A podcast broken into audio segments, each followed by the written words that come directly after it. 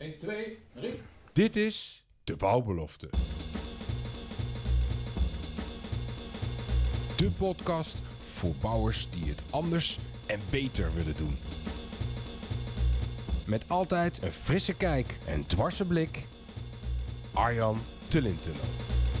Anders en beter luisteraars, dat is waar we voor gaan met de Bouwbelofte podcast met weer spraakmakende gasten aan tafel. Dit keer twee.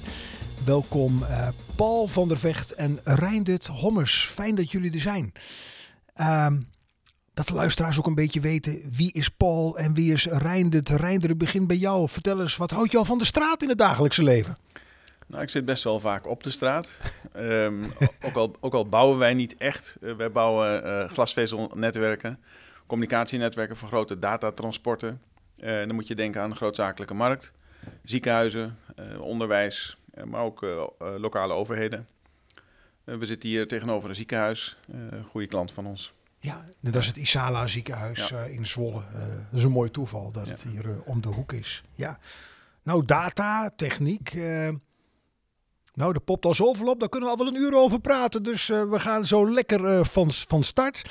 Uh, Paul, vertel eens iets over jezelf voor de mensen die jou niet kennen. Ja, ik ben Paul van der Vecht. Ik ben werkzaam bij, voornamelijk bij Wiedra Solar. En ook bij een deel bij Nieuwe Wemen. Productie van laad infra en ontwikkeling van bidirectionele ecosystemen. In een notendopje. Oké, okay. bidirectionele ecosystemen. Heb je het zelf bedacht? Nee. de, Wat, de, waar, waar, staat het voor? nou, de bedenker is, uh, is, is Robin Berg, Wiedrij Solar. En uh, heel simpel gesteld is uh, het bidirectionele ecosysteem gericht op elektrische auto's, waaruit je uiteindelijk vermogen kan halen wat gebruikt wordt voor het energienetwerk om pieken en dalen in het net op te vangen. Ja, dus, ja. En dat heet onder de noemer WeDrive Solar, zeg ik dat goed? Ja, WeDrive Solar is, is het bedrijf in Utrecht die dat bedacht en ontwikkelt. Ja, en in samenwerking met een mooi ander bedrijf, Nieuwe Wemen in Oldenzaal. Ja. Ja, en um, ik als leek, hè, en ik kijk ook bewust door de bril van leek. ik woon dan in Amersfoort en ik heb eens gelezen dat als in de Nieuwe Wijk Vathorst nog meer laadpalen komen, iedereen laat tegelijk op, dan zitten de honderd huizen zwart, zeg maar, qua overbelasting van het net. Ik, ik zie al wat, wat, knikkende, wat knikkende reacties bij mijn gasten. Dat is dus de praktijk in het hier en nu. Ja, de praktijk in het hier en nu is dat je, uh, als je dat doet, hè, te veel stroom uh, trekt, dan zie je in allerlei gebieden dat er al tekort aan uh, stroom is. Even heel simpel. En in Utrecht, Amsterdam zijn gebieden waar heel veel congestie is. En waar ook bedrijven en partijen eigenlijk een kleinere netaansluiting krijgen dan dat ze eigenlijk zouden willen. En de oplossing ligt volgens ons ook in, met name in het feit om dat slim te gaan organiseren en te routeren.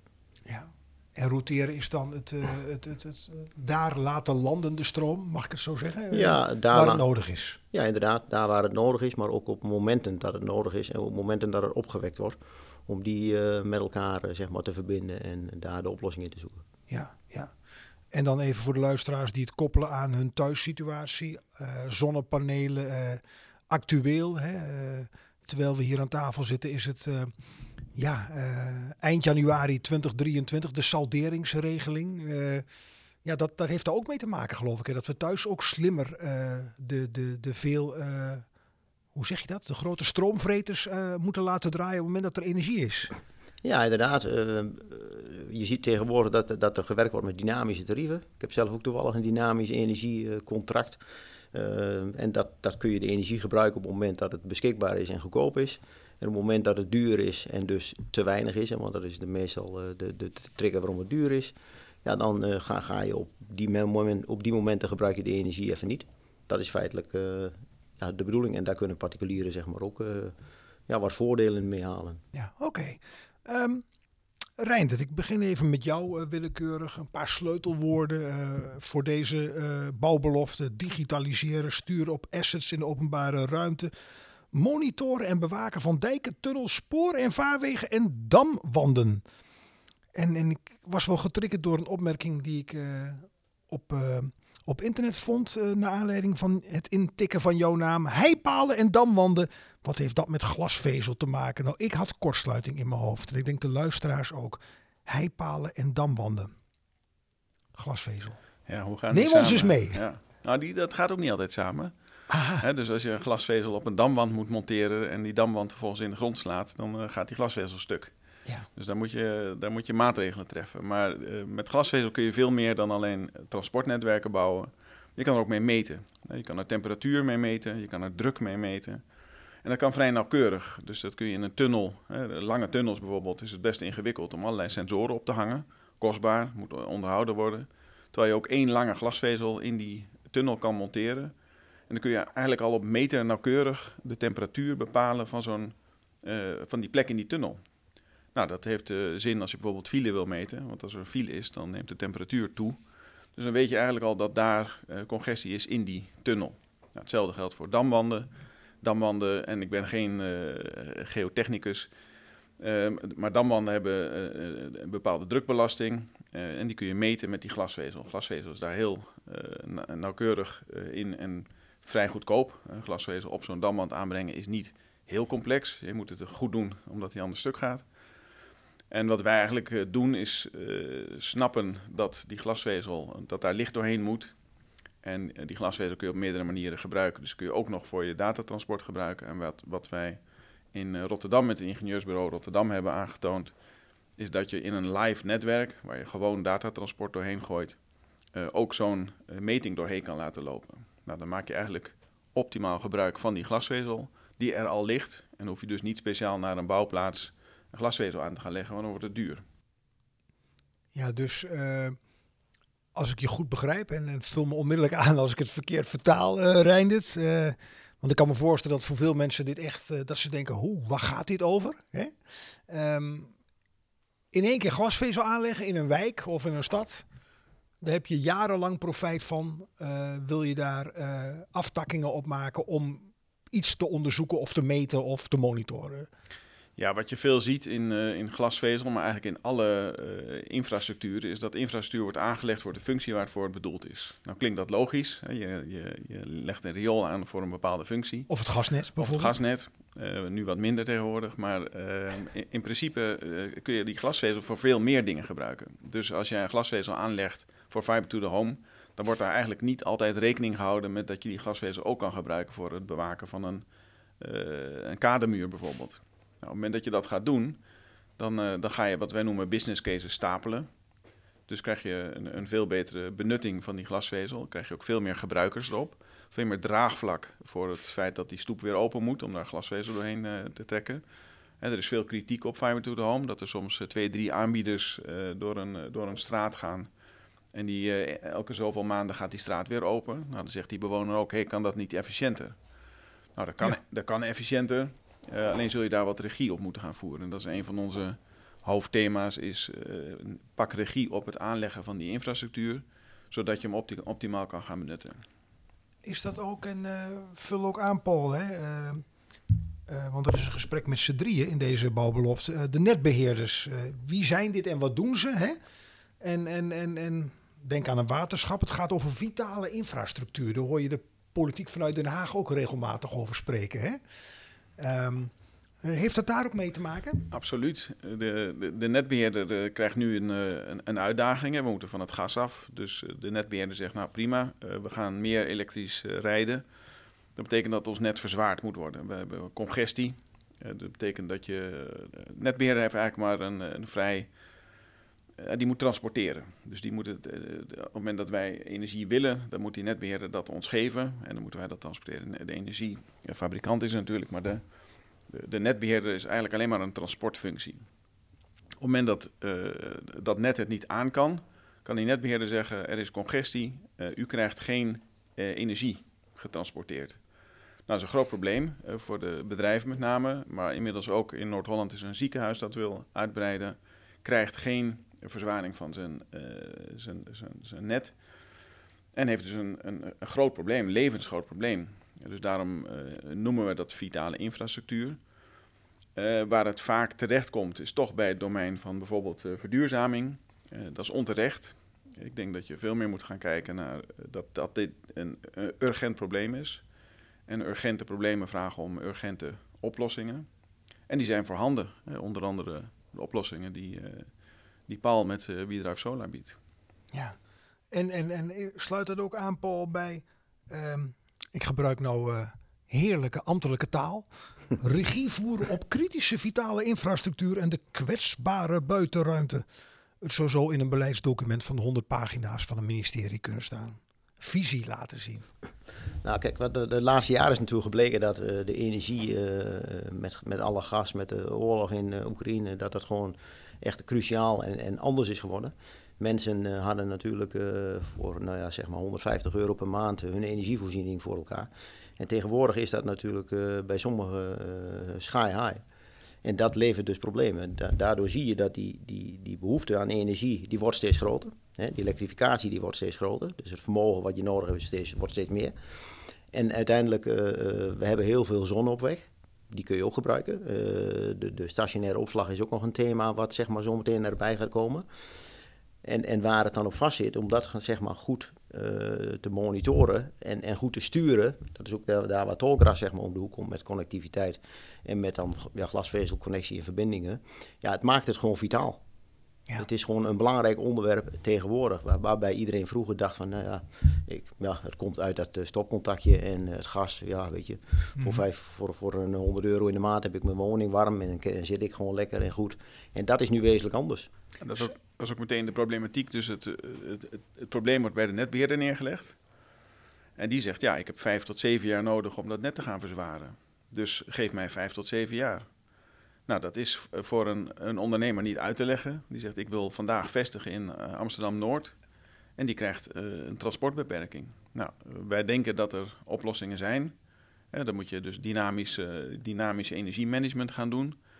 Congestiemanagement. Liander doet zijn best, maar is wettelijk gebonden. Nou, Liander heeft aandeelhouders, overheden, regionale overheden.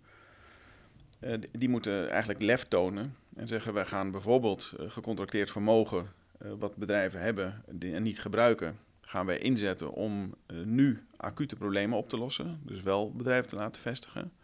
We gaan de overcapaciteit die we hebben, omdat we in Nederland een buitengewoon goed ontworpen net hebben, gaan wij ook gebruiken. Niet in zijn totaliteit, maar laten we kijken hoe ver we kunnen gaan. Om in ieder geval tijd te kopen, zodat we over vijf, zes, zeven jaar dat net verzwaard hebben en weer terug kunnen gaan naar wat we altijd al bedacht hebben, namelijk een buitengewoon solide en stabiel uh, energienet. Nou, dus het neerleggen van die problematiek bij die uh, netbeheerder vind ik niet fair. Ja, dan moet je eigenlijk bij de politiek neerleggen, althans de, de, aandeelhouder van die netbeheerder. En die moet dus even ja, wat verder gaan dan een, een, een nice to have, wat een laadpaal is, tot nee, dit is vitale infra. Want straks kunnen we niet meer koken als we s'avonds thuiskomen. En dat levert enorme problemen op. Heb jij dan ook het idee, uh, Reinde, dat, dat dat besef, dat urgentiebesef in Den Haag voldoende aanwezig is? Nou ja, dus in Den Haag hebben we hebben een tijd geleden besloten dat we willen decentraliseren. Dus een deel van die macht ligt bij die eh, lokale en regionale overheid. Dus daar ligt ook dit dossier, denk ik. Uh, grotendeels. Doe, doe je dan op een provincie? Provincie, maar ook een, een, een, een gemeente. Die, die, die, uh, kijk naar Amsterdam, die heeft natuurlijk gewoon een, een, een, groot probleem, eigenlijk heel Noord-Holland. Nou, kijk naar de congestiekaartjes, die kun je online prima vinden van die netbeheerders. Dat kleurt donkerrood. Um, dat probleem ligt weliswaar bij de wetgever. Hè, dus er, zijn gewoon, er moeten wetten gemaakt worden, misschien wel noodwetten. Um, ik ben geen beleidsmaker. maar wel degelijk ligt het probleem bij de regie en niet bij de netbeheerder zelf. Want die zegt gewoon, ja, ik moet zoveel vergunning hebben, ik moet zoveel aannemers hebben, installateurs hebben, ik moet zoveel kabel hebben. Ja, dat kost gewoon ontzettend veel tijd. Er moeten heel veel van die huisjes bij in de wijk. Uh, dat, en dat is logisch dat het zoveel tijd kost. Dat kun je niet in een, in een jaar, twee jaar tijd regelen.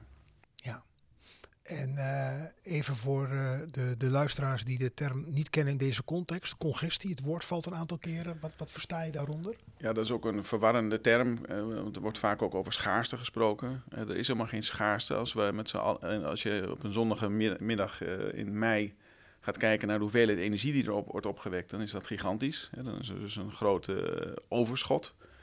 En de, de enige vraag is eigenlijk, er is congestie, betekent dat er op dat net even niet getransporteerd kan worden. Ja, dus er is een file. Dat wil niet zeggen, hè, we, hebben, we hebben in corona gezien dat er een run was op, uh, op wc-papier. Dat is uh, vita vitale levensbehoefte, eerste levensbehoefte dat je wc-papier hebt.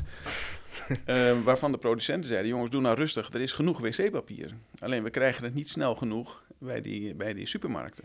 Nou, dat is een beetje dezelfde, dezelfde problematiek.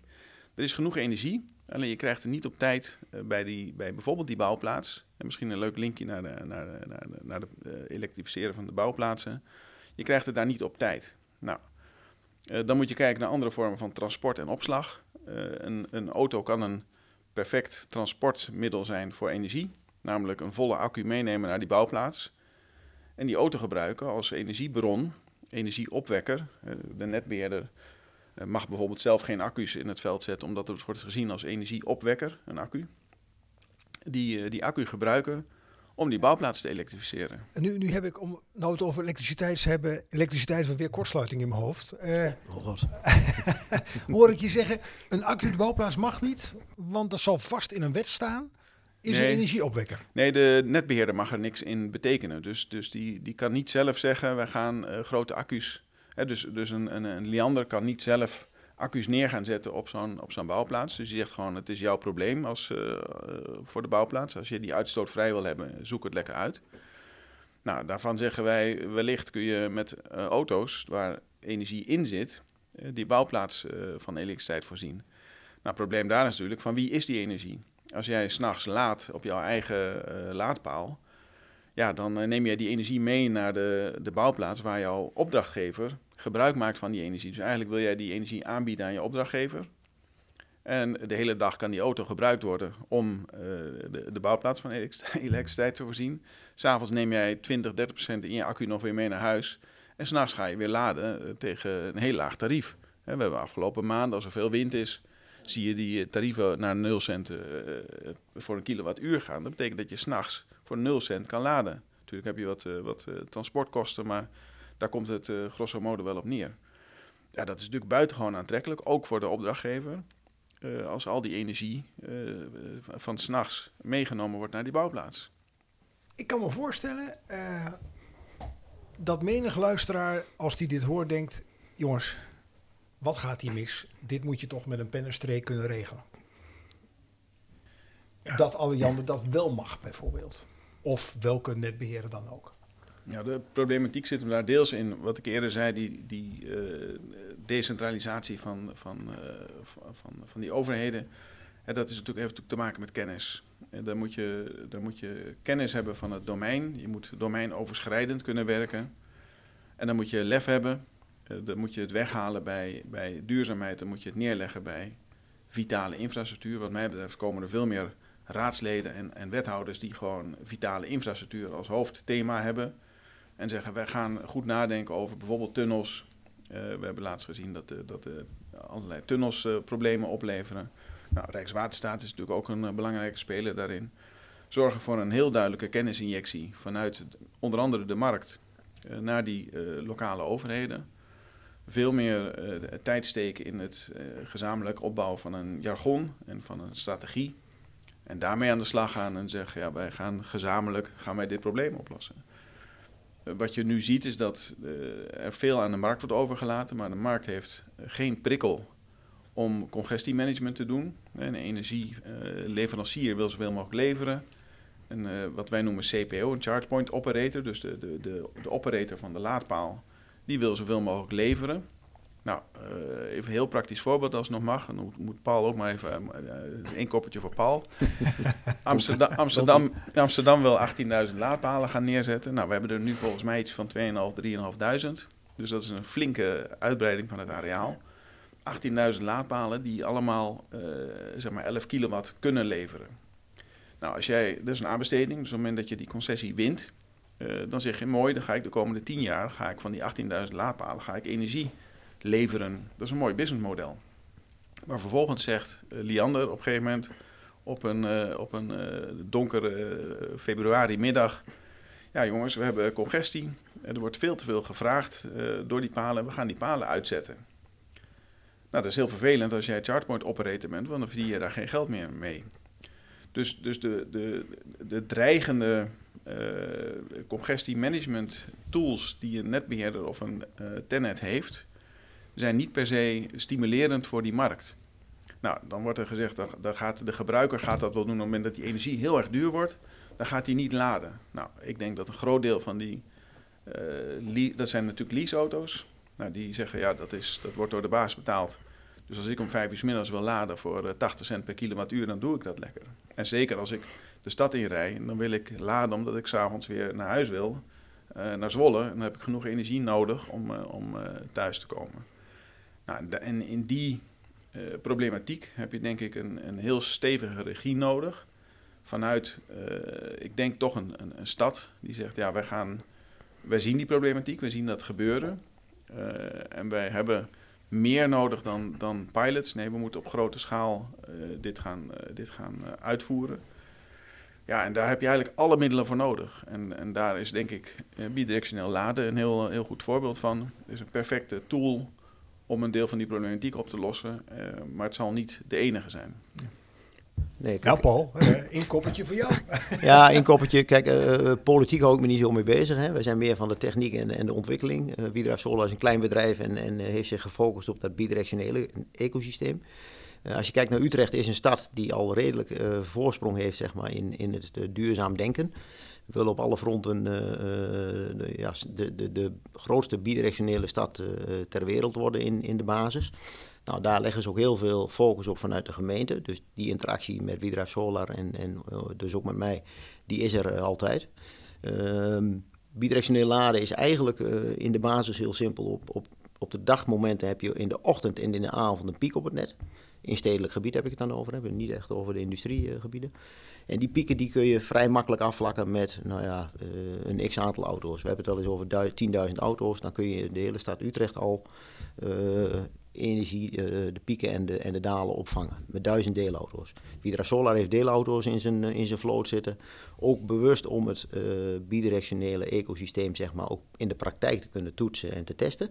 Dat doen we nu ondertussen ook met een aantal Ionic 5's die, die in de stad al uh, in, in, een proefopstelling staan.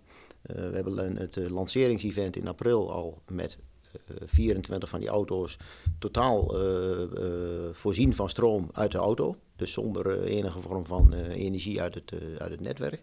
Nou, dat zijn voorbeelden hoe het uiteindelijk zeg maar, ontwikkeld kan worden om die pieken en die dalen te kunnen uitvlakken. En wat ik al zei, politiek is niet mijn, uh, mijn sterkste punt, bemoei me ook niet mee. Wij houden ons bezig met die techniek. Je ziet dat heel veel partijen uh, bezig zijn met dat soort ontwikkelingen om te kijken hoe kunnen we nou uh, congestieproblemen oplossen. En bidirectioneel is één van de oplossingen. Op termijn. Het, is, het, het, wordt nu allemaal nog getest en getoetst met de autofabrikanten, in dit geval Hyundai, waar we mee samenwerken. Maar uiteindelijk heb je ook gewoon uh, vormen van batterijopslag uh, nodig om zeg maar, energie op de piekmomenten op te slaan en te gebruiken op het moment dat het weer uh, in een dalmoment weer nodig is. Het is ook geen politiek, hè? het is gewoon beleid nee. maken. Je moet gewoon lef hebben en zeggen, hey, welke tools hebben we? Juist. Ja, en, en, doen. Paul, gewoon doen. Paul, ook een opmerking ehm, die me zo te binnen schiet. ik snap wat je zegt. We kunnen hier zonder last, hoop ik, een goed gesprek voeren aan tafel. Um, maar is het niet zo dat juist, ik noem het dan de lobby, uh, los van wat je ervan vindt, maar dit soort geluiden bereiken die Den Haag wel? Probeer je voorstellen dat jij Tweede Kamerlid bent met een enorme portefeuille. Hoe krijg je dit nu op de agenda? Of je bent gedeputeerde of statenlid bij een provincie. Uh, want ik hoor dat heel veel met mooie ontwikkelingen. Van ja, maar ik hou me niet bezig met politiek. Maar zit daar niet juist gekoppeld aan een beetje lef uh, zou dat niet de sleutel kunnen zijn om wel versnelling aan te brengen? Nou kijk, politiek is natuurlijk wel heel erg betrokken bij de ontwikkelingen die wij doen. Uh, als je kijkt naar Robin Berg, die heeft over, overal op dat domein heeft hij zijn contacten. Uh, in alle segmenten waar we iets presenteren of organiseren is de politiek betrokken. Ook de netbeheerder Stenen is enorm betrokken bij, bij onze initiatieven. dus op politiek niveau speelt dat wel wat ik zei, ik bemoei me daar uh, zelf dan niet mee. Dat doet, uh, maar dat is wel degelijk uh, richting alle, ook richting de centrale overheid, liggen de lijnen die, die dit ook ja, die dit ook adopteren en die ook, die ook aangeven, joh, dit is gewoon noodzaak. Alleen, ja, de politiek gaat soms niet zo snel als dat een klein bedrijf, zeg maar, zijn technische ontwikkeling uh, wat, wat vorm en inhoud kan geven. Dat is zo Dat is de ervaring. Daarom. En bovendien heeft de overheid nu acu acute problemen natuurlijk. Dat gewoon die energieprijzen enorm uh, fluctueren en ook heel erg hoog zijn geweest de afgelopen uh, half jaar, zeg maar.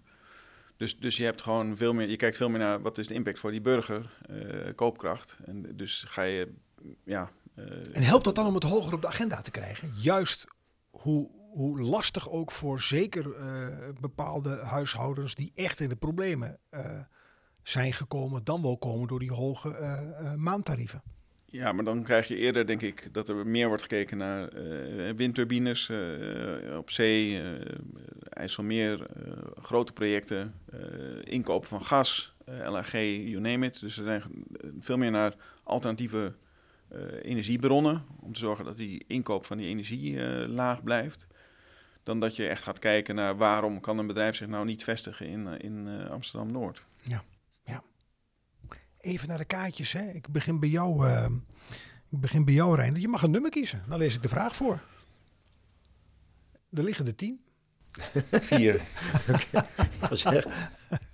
okay. Oh, ja.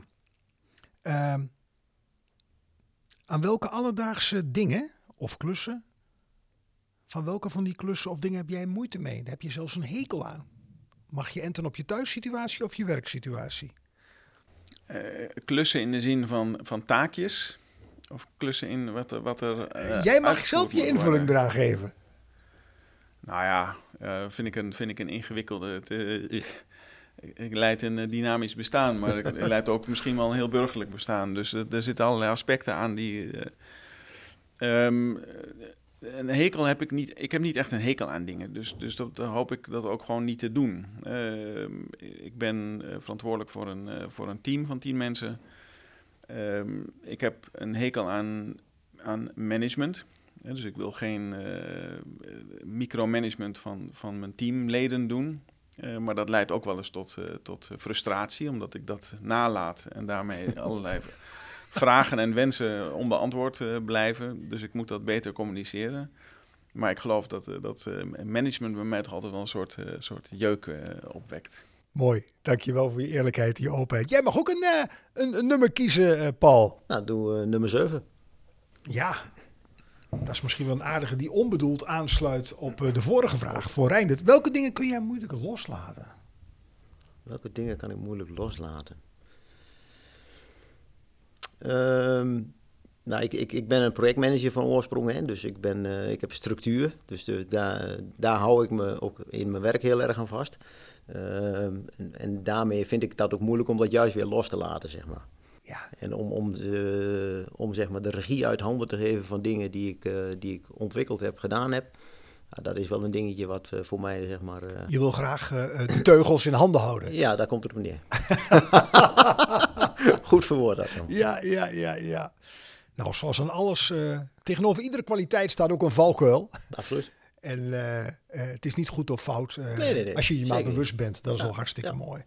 Ja, um, Even terug naar de thema's. Hè. Um, ook iets wat we opgeschreven hebben. Um, ik citeer letterlijk en ik, ik stel hem aan jou, uh, Paul, en vul elkaar gerust aan. Jullie willen weg uit het domein van innovatie en pilots. Of leg ik hem zo verkeerd uit?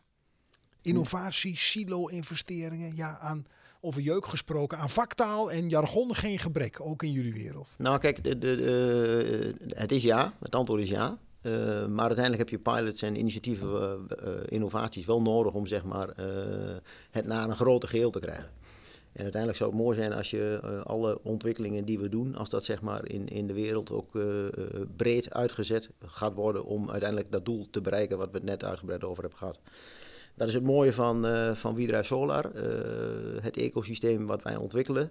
Dat is niet iets wat uh, Solar omarmt en bij zich houdt en afschermt. Nee, de doelstelling is juist om, om dat nou ja, in ieder geval in eerste instantie over Nederland, maar ook over de rest van de wereld beschikbaar te stellen op het moment dat het zeg maar, werkt en goed technisch in, ingeregeld is. Zeg je dan pilots juist, piloten we te veel? zijn er te veel pilots of... of pak Nou, hem zo verkeerd op? Nou, ik denk dat datgene wat daar staat is eigenlijk dat je uiteindelijk moet je het een keer naar, eh, naar, het, eh, naar de wereld brengen, laat ik het zo stellen. Eh, dan moet het van een pilot af. En we hebben het nu vanuit alle thematiek en, en problemen die we net besproken hebben, hebben we, ja, die energietransitie heeft dit soort dingen gewoon nodig. En dat is wat wij bedoelen, het moet nu een keer naar de wereld ge- gebracht worden. En we zien dat ook, hè. We zien ook dat de laders die wij, die wij bouwen en uitleveren, het bidirectionele, dat dat steeds meer vorm en inhoud krijgt. Ook in aanbestedingen, offertes en vragen. krijgen heel veel vragen erover. Dus mensen vinden het ook interessant en zijn er enthousiast over. De automobielindustrie is volop aan het meebewegen met, eh, met die ontwikkeling. De een wat meer dan de ander, maar dat, dat zie je, daar zie je ook positieve ontwikkeling in. Dus ja, het gaat uiteindelijk wel naar die schaalvergroting die nodig is om de problemen op te kunnen lossen, die we net geschetst hebben. En wat jij nu zegt, Paul, roept bij mij op, heel actueel, eh, eh, begin 2023, dat vorige week ergens in januari bekend is geworden dat we heel veel mooie initiatieven hebben, start-ups, maar de sprong naar scale-up worden, wat groter worden, dat we daar behoorlijk achterlopen. Dus er is veel ondernemingszin, veel goede initiatieven, maar ze opschalen, ook zo'n mooi vakwoord, vaktaalwoord, ehm, daar, daar, daar zit het lastig. Is dat ook waar jij op doelt? Denk aan die elektrische auto, die Lightyear, meen ik, waar eh, nu, eh, ik zie jou knikken, eh, de stekker uitgetrokken Ter moet worden. ziele, ja, helaas. Ja. Ja, uit, de, uit de dure variant. Oké. Dus ze gaan wel verder met de goedkopere eh, betaalbare variant. En dat is tenminste zoals ik het Ik dacht dat ze helemaal eh, omgevallen waren. Dat ondanks dat ze een eh, grote order hadden voor de goedkope nou. Ja. variant, dat ze het Nee, maar hebben. dan even, eh, eh, eh, eh, want dat heb ik ook uit de media eh, vernomen, eh, waarbij financiering wel, wel, wel een struikelblok is. Is dat iets wat, wat, wat, wat echt, daar zouden we ook wat lef in moeten tonen door anders te durven kijken naar hoe financieren we dan zo'n initiatief? Is natuurlijk een risicovolle strategie. Hè. De, de, de, de fossiele brandstoffen noemen we inmiddels een stranded asset. Hè. Dat houdt een keer op. Eh, wat is dan eh, de vervanger daarvoor? Is dat, eh, zijn dat windturbines, is dat PV, hè, zonnepanelen of is dat misschien wel waterstof? Dus daarin investeren is, een, is misschien wel een risicovolle strategie. Ehm, dus, dus kijk waar nu geïnvesteerd wordt. Ik denk de, de woningbouw ehm, ook een interessant thema is. Eh, met name infrastructuur, eh, daar kun je in investeren. Ehm, dus dat, ik denk dat daar, daar wel een remmende factor van uitgaat. Maar ja, kijk naar de, de accu's. Eh, dat is niet aan te slepen. Daar wordt volgens mij gigantisch in ge- geïnvesteerd. Ook in, in nieuwe vormen van accu's. Dus de innovatie eh, term, hè, dat we, dat we niet, niet, niet moeten innoveren, is natuurlijk niet, niet waar. Dus ik ben zelf, ik ben het eens met Paul, we moeten een beetje weg uit het domein van innovatie. Maar er moet gigantisch geïnnoveerd worden. We moeten eh, veel duurzame manieren van, van eh, energieopslag zien te vinden. Dus die accu's moeten duurzamer. eh, duurzamere materialen die we kunnen gebruiken en hergebruiken. Maar waar die term vandaan komt, is dat, je, dat innovatie ook wel eens verlammend kan werken.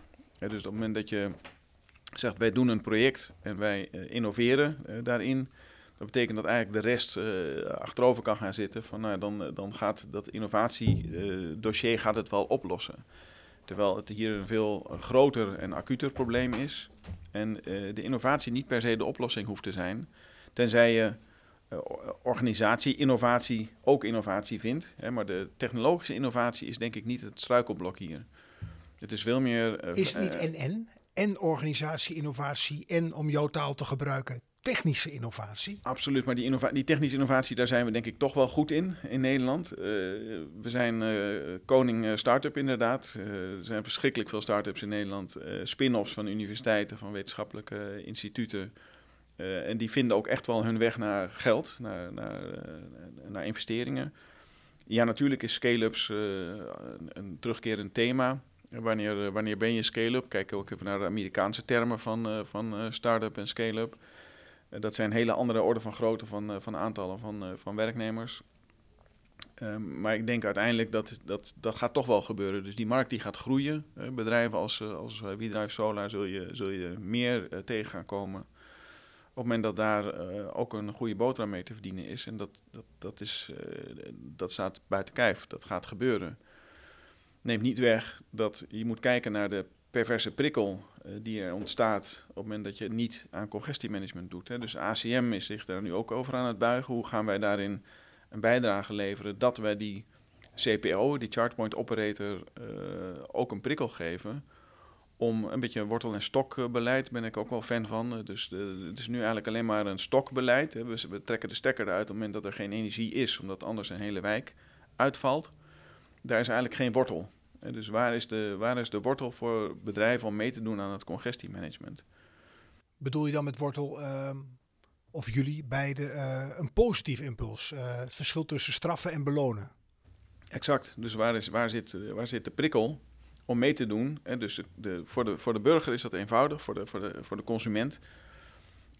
die energieprijs gaat omhoog. Dus als ik voor 80 cent mijn, mijn wasdroger aanzet of voor 0 cent, ja, dan doe ik dat om, eh, om eh, twee uur s'nachts. We zijn dus eigenlijk met z'n allen eh, geldgedreven, prijsgedreven.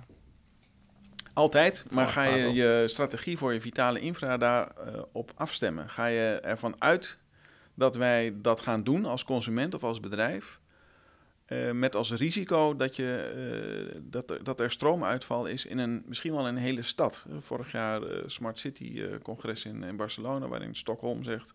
wij gaan ervan uit dat er eh, grootschalige langdurige stroomuitval is Ja, blackouts en overbelasting. is dat acceptabel?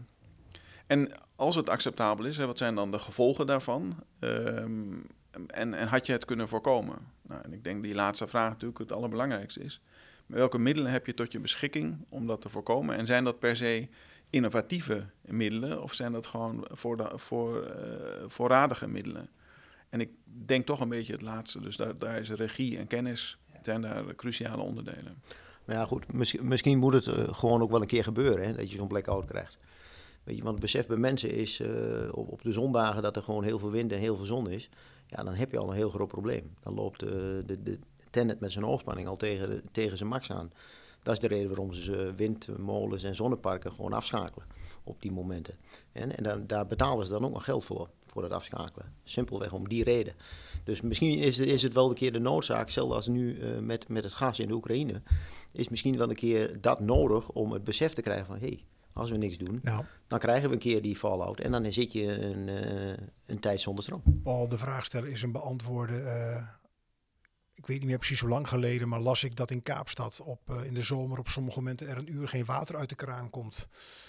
Nou, als je dat doortrekt, eh, zet de stroom maar eens uit op zaterdag eh, in huishoudens. Ja, heb je gewoon een groot probleem. dan is het besef in één keer helder Ja. eh, waar we voor staan. En Ja. dan heb ik het alleen over huishoudens, niet over ziekenhuizen en vitale Nee. instanties. Maar Ja. als, als om het urgentiebesef te laten landen. Ik denk dat veel mensen ter voorbereiding, heb ik ook eens om me heen gevraagd. Dit kunnen we niet bevatten. Nee, nee. Dit is zo'n ver van je bedshow. We kunnen ons niet voorstellen dat er geen prik uit de muur komt. Nee. Omdat we in. Nederland gewoon een ontzettend goed net hebben. We Ja. hebben een heel goed systeem. Tenet doet Precies. ontzettend goed werk. Volgens mij zijn we het, het, beste, het braafste jongetje van de klas in, in Europa.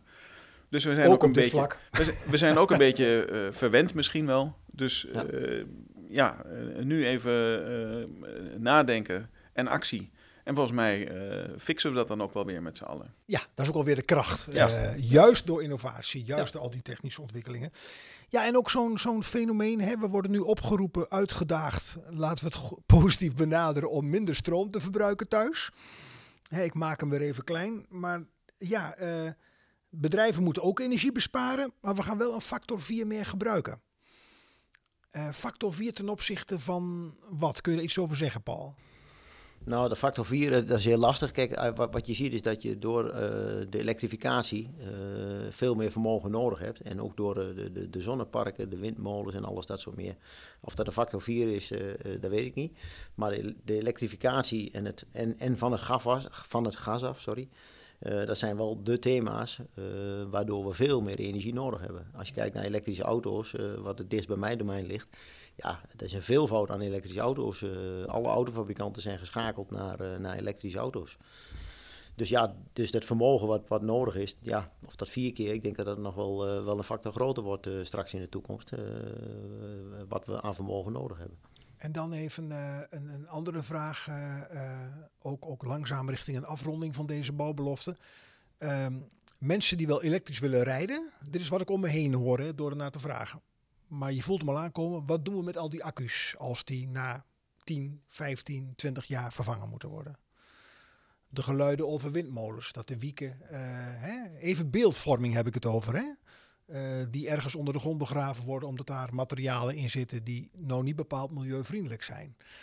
Ehm, ja, wat, wat, wat het, het gevoel leeft bij veel mensen dat we door een politieke keuze richting elektrisch rijden worden gedrukt. Los van de vraag of die, die footprint, hè, eh, zoals dat genoemd wordt, wel echt reëel is, zoals het nu voorgeschoten wordt. Wat, wat kunnen jullie daarbij zeggen? Nou, het is gewoon een hele lastige vraag. Het enige wat ik weet is dat eh, als je kijkt naar auto's, eh, accu's, eh, grondstofwinning, dat er op, op allerlei niveaus gekeken wordt naar om, om de, de, de materialen die, waarmee ze geproduceerd worden, om daar ook op alle, zowel op nanoniveau, onderzoek naar te doen van welke componenten kunnen we daarvoor gebruiken. Zijn de alternatieven voor, voor de, de schaarse spullen die daarin gaan. Ja, het is altijd een beetje het kip en het ei verhaal. De eerste Tesla die in de fik vloog, toen riep ook iedereen van ja, elektrische auto is niet veilig genoeg. Ja, waar vindt dat zijn oorzaak? Is heel lastig aan te geven. Ik denk wel dat er, kijk, een, een, een benzine- of dieselauto die ehm, koop je en die zet je eh, in de straat of in je garage. En hoeveel gebruik je die nou? Ja, als je leaserijder bent, misschien elke dag. Als je eh, alleen op vakantie gaat naar Zuid-Frankrijk, dan, eh, dan rij je veel minder. Rij je een paar duizend kilometer per jaar. Dus dat ding dat staat daar maar. Nou, eh, als we gaan kijken naar bijvoorbeeld eh, bidirectioneel laden, dan kun je dus zo'n auto niet zien als een eh, investering puur in mobiliteit, maar ook in een bijdrage in energietransitie, congestieproblematiek. En zeg je, die auto die gebruik ik s s'nachts om een surplus aan energie op het net op te slaan. De volgende ochtend gebruik ik om mijn inductieplaat aan te slingeren om een, voor mijn kopje koffie en mijn gebakken eitje. Daarna Lekker. neem, daarna, lekker, daarna neem ik hem mee naar de bouwplaats of naar mijn eh, kantoor, waar ik het kantoor van energie voorzie. Eh, is er eh, weer een surplus aan energie omdat er een, een zonnige dag is, dan stoppen we dat weer in die auto. Die auto nemen we weer mee naar huis, laden we, gebruiken we weer op onze inductieplaat en s'nachts gaan we er meer, weer mee laden. Nou, dan heb je toch een aardige cyclus te pakken van hoe je zo'n auto op een heel andere manier inzet. Ja, en als je dan nog steeds wil focussen op eh, dan, eh, of, die, of die accu wel of niet een, een, een, milieuvriendelijk apparaat is, ja, volgens mij hebben we dan een heel andere discussie. Het staat eh, absoluut belangrijk dat, dat die accu's duurzamer worden. Andere materialen gebruiken. Er wordt natuurlijk gesproken over, over de grondstoffen die erin gaan. Omstandigheden waarin die grondstoffen gewonnen worden. Moet allemaal aangepakt worden, absoluut. Maar daar zijn we goed in. We hebben, we hebben in Europa hele strenge normen waar je aan kan voldoen als je zegt eh, als iets in Europa geproduceerd moet worden. Nou, eh, laten we daar gewoon eens mee aan de slag met z'n allen. Dan, dan, dan gaan we dat fixen. Gaan we daarmee meteen de problemen in de mijnen in Afrika oplossen? Nee, absoluut niet. Gaan we daarmee de schaarste oplossen? Ook niet. Maar eh, de accu's worden slimmer, eh, zuiniger, eh, milieuvriendelijker. Dat kan niet anders, want er, is een enorme vraag naar accu's. Nou, eh, op het moment dat je daar kritisch naar gaat kijken, dan krijg je dat soort accu's. Dat is innovatie. Nou, dan is dat hele argument van tafel. Want dan zeg je, ja, ik gebruik die auto. Die, die levert een ongelooflijk belangrijke bijdrage in onze energiehuishouding. Nou, dat kun je van een benzine- of een dieselauto op dit moment niet zeggen. Nee, het is dus ook eh, terug naar kip en ei. eh, Altijd. Is het niet zo dat bij iedere eh, nieuwigheid of iedere ontwikkeling er eerst een periode is dat er, nou, als je daar heel kritisch naar kijkt, meer nadelen zijn? Maar als je, wat je net schetst, Reindert, als we dat eh, gaan realiseren met z'n allen, ja, dan wegen de, de voordelen echt op tegen de nadelen. Dat Ja. haal ik eruit. Ja, Kijk, als dat salderen eraf gaat, dan gaan we, eh, gaat iedereen eens nadenken over thuisaccu's. Nou, een thuisaccu is een stationaire accu. eh, is ook niet per se het optimale model. Dus op het moment dat je het in een auto stopt, dan zeg je: Ik heb die accu altijd ergens waar energie nodig is of energie beschikbaar is. Ja, dan, dan, eh, dan heb je dat salderen probleem ook een beetje opgelost. Want dan zeg je: ja, Je krijgt geen geld voor je energie omdat het een zonnige eh meimiddag is. Stop hem lekker in die auto eh, en, en eh, verkoop hem eh, later eh, weer aan je, aan je werkgever bijvoorbeeld. Nou, dankjewel Reindert. Eh heren, we hebben te stoppen. Ja. Hoe interessant en mooi het thema ook is. we zijn aan het einde van deze bouwbelofte. Even een laatste vraag aan jullie beiden. Kort eh, antwoord, Paul. Wat zou, je, eh, wat zou je onze luisteraars nog mee willen geven? Nou even mee willen geven is, eh, als we kijken naar eh, de wereld, hebben we ook heel veel handjes nodig om dit soort dingen straks in het groot uit te kunnen rollen. En ik denk dat daar ook eh, voornamelijk eh, de focus en de aandacht op moet zitten. De mensen die het uiteindelijk ook kunnen gaan bouwen. Herwaardering van het ambacht. Dat absoluut. Absoluut. Ja, in de Ja. meest ruime zin. Ja. En jij, Reiner? Ja, laten we vooral ehm, wat meer eh, boerenverstand gaan gebruiken. Eh, nadenken over hoe we deze problematiek kunnen oplossen met elkaar. Hè, dus dus eh, ik denk dat we vanochtend eh, ook wat gechargeerd kunnen zijn. Dat, Dat mag is, eh, ook. de, de- dat is het mooie van een podcast. Je hebt geen, eh, je, je kan geen, er is geen kritiek, die komt later wel. Dus laten we vooral die, eh, eh, eh, even het mes op tafel en zeggen: jongens, met elkaar deze problema- problematiek oplossen. En daar hoort een netbeheerder bij, daar hoort een beleidsmaker bij, daar hoort de markt bij, daar hoort de consument bij. En ja, dan denk ik samen gaan we daar wel uitkomen. Ja, hoe noem je het ook alweer eerder? We hebben een technische uitdaging in een organisatie. Je had daar mooie woorden voor. Nou ja, dus de innovatie. Dus, ik, dus, ik, dus eh, organisatorische innovatie of een, of een technische innovatie, het zijn nogal twee verschillende eh, dingen. Dus eh, de, in het licht van deze uitdaging hebben we beide nodig. Absoluut. En, en zet ik een vraagteken bij eh, de wil om eh, organisaties echt te innoveren. Dit zeg ik even in algemene zin. Ja. We, we lossen problemen op met, met, met, met oud denken. Dan kunnen we een nieuwe podcast vast een keer aan wijden. Alle verandering is, eh, is ingewikkeld. Ja, ja. mooi. Eh, dank jullie wel. Mooi, Nou, dank. We zijn aan het einde gekomen van deze eh balbelofte. Dank je wel, eh Reindert Hommes en Paul van der Vecht. Ehm, jullie hebben een paar mooie nieuwe inzichten meegegeven. Ik denk ook voor de luisteraars hoe we anders kunnen kijken naar het gebruik van accu's in de meest brede zin. En zeker in elektrische auto's. Ik sluit af met de woorden tot de volgende bouwbelofte.